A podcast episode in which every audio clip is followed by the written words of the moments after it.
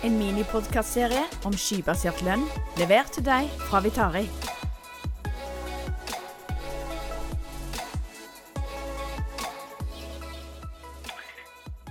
Hei, og velkommen til eh, denne podkasten.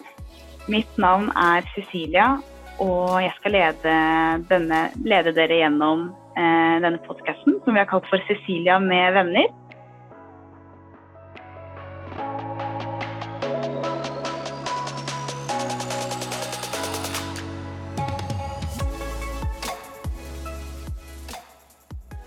I dag skal vi snakke om eh, hva skybasert lønn egentlig er. Og jeg er så heldig å ha med meg eh, min venninne Marianne. Hei. Hei, hei. Ja. Hva er greia med skybasert lønn? Hvorfor er det så relevant nå, egentlig? Hva, hva tror du om det? Ja, ja det, vi har jo fått spørsmål om det, for det er jo veldig fokus på, på skybasert lønn nå. Men, men, det er jo fordi at eh, vi vet jo at lokalinstallerte lønnssystemer de leverer jo for så vidt ikke det som trengs og forventes i markedet lenger. Da. Vi, er jo, eh, og det har kanskje pandemien og hjemmekontortilværelsen vår også satt en sånn ekstra fart på. Eh, har du hatt eh, papirbaserte rutiner innenfor lønnsarbeidet, så har det vært litt vanskelig innenfor hjemmekontoret, selv om kanskje både reiser og utlegg har blitt mindre. Men timefangst f.eks. Altså har du timefangst på, på Excel-ark eller noe som skal signeres manuelt, så så er det komplisert i en digital verden da, hvor vi jobber sømløst og, og holdt jeg på å elektronisk. Men, eh, så jeg tror det er en av driverne. Og så tror jeg, eh, eh som vi har snakket om før, da, Cecilia, du og jeg er hver vår generasjon. Din generasjon, altså dere som er eh, 30-åringer, eh, det er at dere er jo, det kalles jo at dere er født digitale. Dere forventer å få eh, lønnsslipp digitalt. Dere forventer jo å kunne levere grunnlagene dere elektronisk. Eh, og det må lønnssystemene også støtte opp under. Da.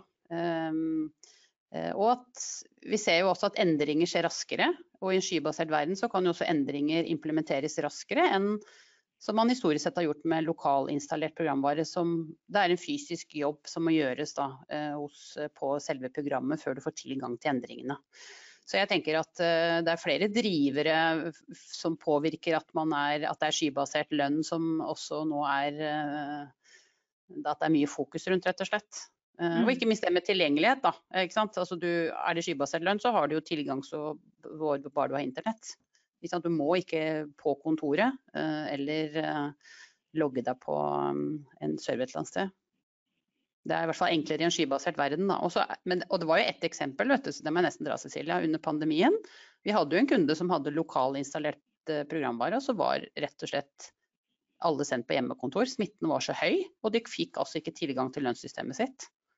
Og Det også satt jo fortgang på å tenke at vi må ha en annen tilgjengelighet. ikke sant? Så, så jeg tenker at skybasert lønn det, det, har egentlig bare masse fordeler. da. Som, mm. som vi, vi, også erfarer at flere og flere ser fordelene av. da. Jeg tenker også nå etter, etter koronapandemien så vil det jo bli mer, eh, mer fleksibilitet i, eh, altså i arbeidslivet, tenker jeg da. Mm. Eh, jeg tror ansatte forventer at de kan jobbe fra hytta eller mm. jobbe fra et feriested dersom det er eh, behov for det da, i en periode mm. f.eks. Mm.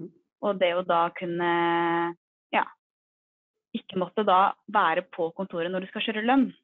For det har vel vært slik at eh, lønnsmedarbeidere har jo til tider ikke kunne tatt kanskje det ferien når de har ønsket seg nettopp pga. at de må kjøre lønn. Og da må være fysisk på et kontor. Ja. Det, og det er riktig, og jeg tenker at det gjør jo at lønnsmedarbeideren er ganske låst, da, historisk sett i hvert fall har vært det.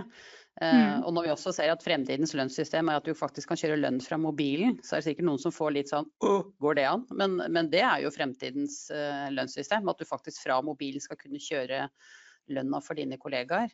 Så, mm. så, det handler om, rett og slett om tilgjengelighet og, og også fleksibilitet, da, som du sier. Altså at mm. du er ansvarlig for lønn. Skal selvfølgelig kjøre lønn og være trygg på at den er riktig og alt er i henhold til lover og regler. Men du skal også kunne gjøre det fra, fra hvor du er hen. Så ja. Hvis en kunde spør oss i dag må jeg bytte til skybasert lønn, hva, ja. hva ville du svart da? Du og jeg ville jo svart ja, Cecilia. Og så er jo ikke, enkelt, er ikke svaret så enkelt. For det handler jo også selvfølgelig om funksjonalitet. Vi må jo først og fremst vite at vi dekker funksjonaliteten du som selskap har for å kjøre lønna di. Men, men vi vet jo at alle, alle selskaper på sikt eh, kommer til å kjøre lønn på et skibasert system. Eh, om det skjer neste år eller om to år, det vet vi ikke. Men vi merker jo at akselerasjonen er i gang. Også hvis vi ser på hva, bare hva du og jeg opplever eh, blant våre kunder, da, og nysgjerrigheten rundt skybaserte, ikke bare lønnssystemer, det handler jo også om ERP og logistikksystemer, så, så mm, vil alle på sikt være på skybasert lønn. Mm. Ja, for å få eh, oppsummert litt da, Marianne. Mm. Føler du at norske bedrifter er klare for eh, den neste generasjonens lønnssystem? Ja, jeg føler det. Jeg tenker at, eh, at, de er klare for det. De må bare, som, som du og jeg er litt opptatt av, liksom, vi må hjelpe dem å gi dem den tryggheten. Da. For historisk sett, som vi snakket om før, når jeg kjørte lønn, så var det veldig sånn fysisk for meg å se når jeg var ferdig med lønna, for jeg hadde en papirbunke som jeg flytta fra A til B. Og så visste jeg når den bunken var kommet til B, så var jeg ferdig med lønnskjøringen og ting var klart. Det er annerledes i en skybasert verden. Så jeg tror bare vi må være flinke til å gi denne tryggheten og forberede dem på endringen, så er jeg overbevist om at dette, dette er eh, næringslivet klare for. Mm. Og I neste episode så er det jo nettopp det vi skal snakke om. Vi skal snakke litt om eh, hva må kundene egentlig tenke på ved bytte av, eh, ved bytte av lønnssystem, eller ved bytte av eh, til payroll, eller til et skybasert lønnssystem, rett og slett. Ja. Det, det, blir morsomt. Det blir spennende å snakke om. Ja. Der har vi jo litt erfaringer, så det skal vi dele med, med alle lytterne våre. Ja. Takk for at du eh, ble med i dag, Marianne. Så snakkes vi eh, i neste episode. Tusen takk for at jeg fikk være med.